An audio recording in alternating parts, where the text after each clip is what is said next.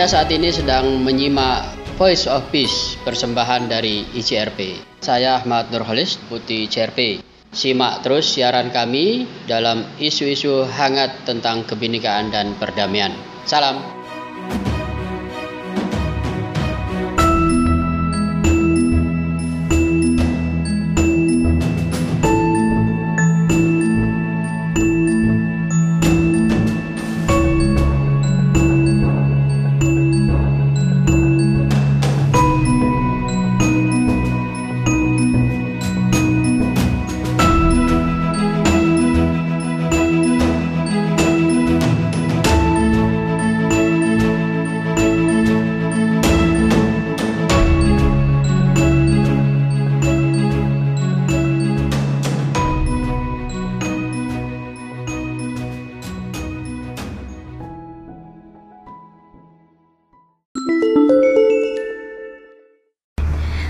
Siang semuanya.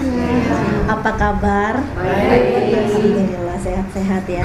Senang sekali uh, saya diminta oleh Mbak Chen Chen, uh, kakak juga ya buat saya untuk sharing soal uh, bagaimana sih kurang lebih kebudayaan Bugis Makassar. Saya orang Makassar, juga Bugis, tapi udah lama merantau di Jakarta. Nah, kalau bicara Bugis Makassar, uh, dia punya satu prinsip besar yang semuanya kehidupan orang Bugis Makassar pasti merujuk pada situ. Namanya adalah uh, tradisi atau adat Siri Napese kalau pernah dengar.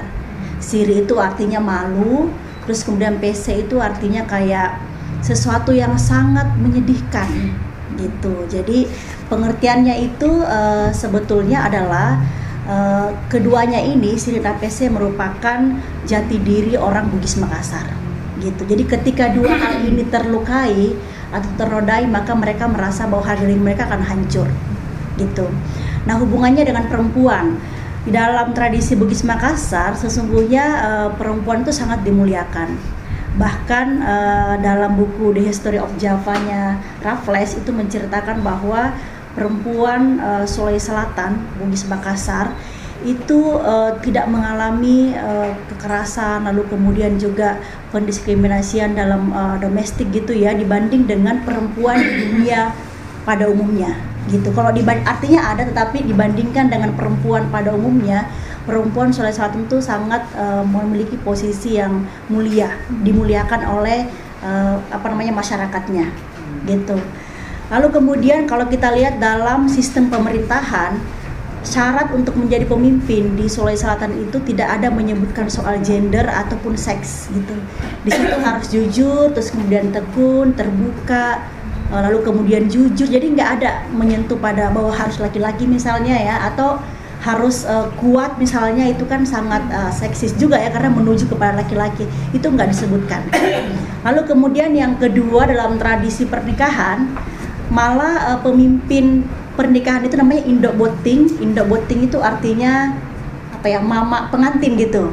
Atau ibu pengantin lah gitu semacam pemimpinnya. Dia lah yang memandu uh, pada saat uh, menuju sampai kemudian proses pernikahan. Itu namanya indo boting dan dia harus perempuan nggak pernah laki-laki gitu. Artinya kan uh, pernikahan itu kan sesuatu yang sangat sakral bagi sebagian besar masyarakat kita ya.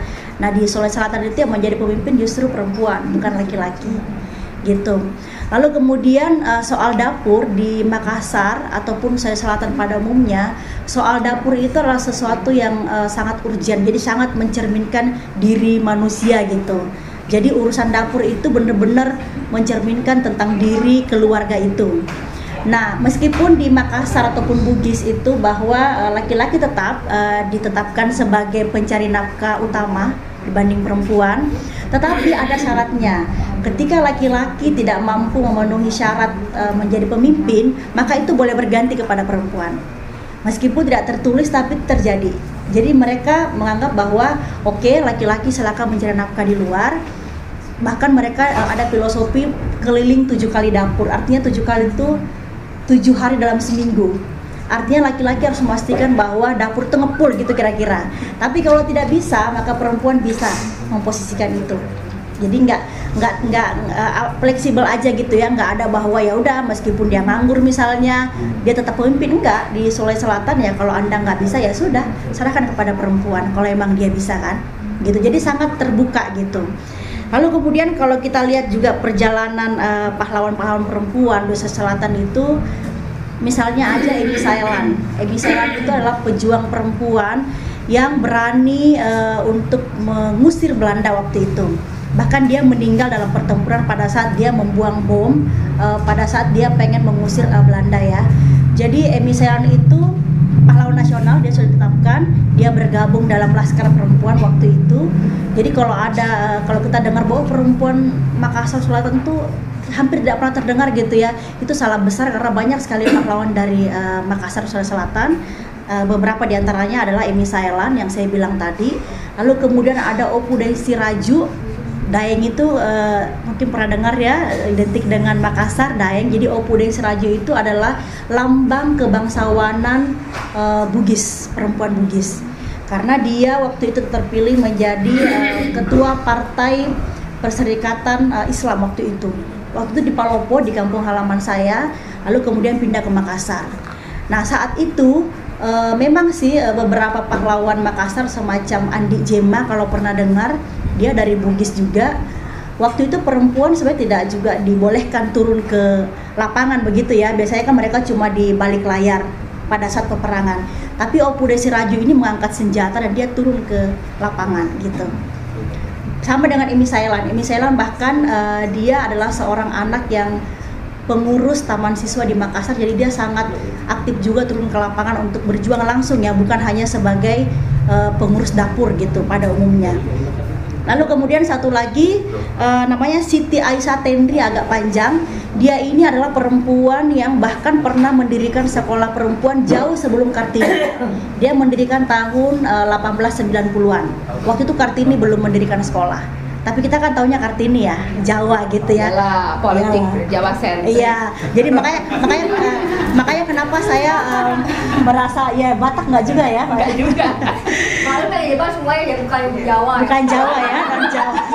Meskipun tinggal di Jawa sekarang ya. Iya. tetapi kenapa saya perlu bilang itu? Karena tadi karena kita jarang sekali mengangkat perempuan-perempuan yang sebenarnya melakukan banyak hal tapi tidak hampir tidak pernah diangkat di publik gitu ya, apalagi di tingkat nasional. Jadi uh, saya perlu sebutkan soal Siti Aisyah ini, dia adalah seorang uh, apa namanya dia uh, pengurus taman siswa, lalu kemudian mendirikan sekolah perempuan jauh sebelum Kartini. Dia juga seorang uh, penjaga naskah Lagaligo kalau pernah dengar. Lagaligo itu sebuah naskah panjang yang ada di uh, Belanda sekarang ya, tapi itu uh, berawal dari Palopo, Palopo Sulawesi Selatan gitu jadi secara umum eh, bagaimana perempuan diposisikan di Sulawesi Selatan baik di Bugis maupun Makassar itu sangat dimuliakan ya udah sabar ya tapi tidak ada dalam catatan sejarah Iya. Sekarang bicara Iya, sekarang bicara ya. tapi tapi saya uh, saya udah beberapa tahun terakhir tuh sering setiap uh, peringatan Hari Perempuan selalu menulis soal itu. Saya selalu mengangkat soal perempuan uh, Sulawesi Selatan ya karena kan yang banyak pasti Kartini Kartini padahal banyak banget di Aceh ada siapa di Ambon ada siapa tapi jarang diangkat. Saya sebagai orang Sulawesi Selatan akhirnya mencoba untuk setiap tahunnya selalu mengangkat itu menulis tentang perempuan uh, apa yang dilakukan oleh perempuan Sulawesi Selatan gitu. Karena perlu diketahui juga nih jangankan uh, di publik mungkin orang Sulawesi Selatan juga nggak tahu bahwa mereka punya pahlawan perempuan karena mungkin nggak baca lagi mungkin. Bukan karena tidak dekat dengan Belanda. Gitu ya. Mungkin nggak baca lagi terus kemudian juga di sekolah kan juga saya rasa nggak pernah disebutkan juga ya. Saya sekolah di Sulawesi Selatan rasanya nggak pernah mendengar uh, siapa nama per dan saya tahu ya Kartini saja karena menyanyi Kartini semuanya terus kemudian uh, apa namanya yang Aceh apa Jangan Aceh? itu Dewi Sartika aja apa nah, jarang ya. Cut Nyadin. Itu tahu semua tuh Cut Nyadin tahu Kartini. Tapi yang Sulawesi Selatan saya nggak tahu karena nggak pernah diajarkan di sekolah gitu Nah, itulah kemudian saya juga menulis uh, sebuah buku. Saya sepakat dengan salah satu pembicara tadi ya, Mbak Dewi Kanti bahwa kita harus mengangkat uh, kembali nilai-nilai lokal kita dan saya menulis buku ini, guys, Indonesia tuh bindeka loh. Ini adalah uh, hampir uh, milenial tapi dalam buku ini menceritakan hampir 34 provinsi kebudayaan uh, lokal lokal kita gitu. Salah satunya Sulawesi Selatan tentunya ya. Saya tulis budaya Sri di sini. Termasuk ada budaya Kalimantan juga di sini, ada soal uh, Tomohon juga ada di sini, ada banyak gitu. Dan ini sengaja ditulis dengan bahasa yang agak lebay, kekinian karena memang sarannya adalah milenial gitu. Karena kalau dikasih buku sejarah yang tebel mungkin nggak mau lagi baca kan. Tapi kalau begini mungkin ya ringan banget apa sih paling nggak buka lah gitu kan. Oh, ternyata ada seperti ini. Ada banyak kearifan lokal di Indonesia yang menjadi pemersatu bangsa dan itu yang harus diangkat. Itu dari saya. Terima kasih.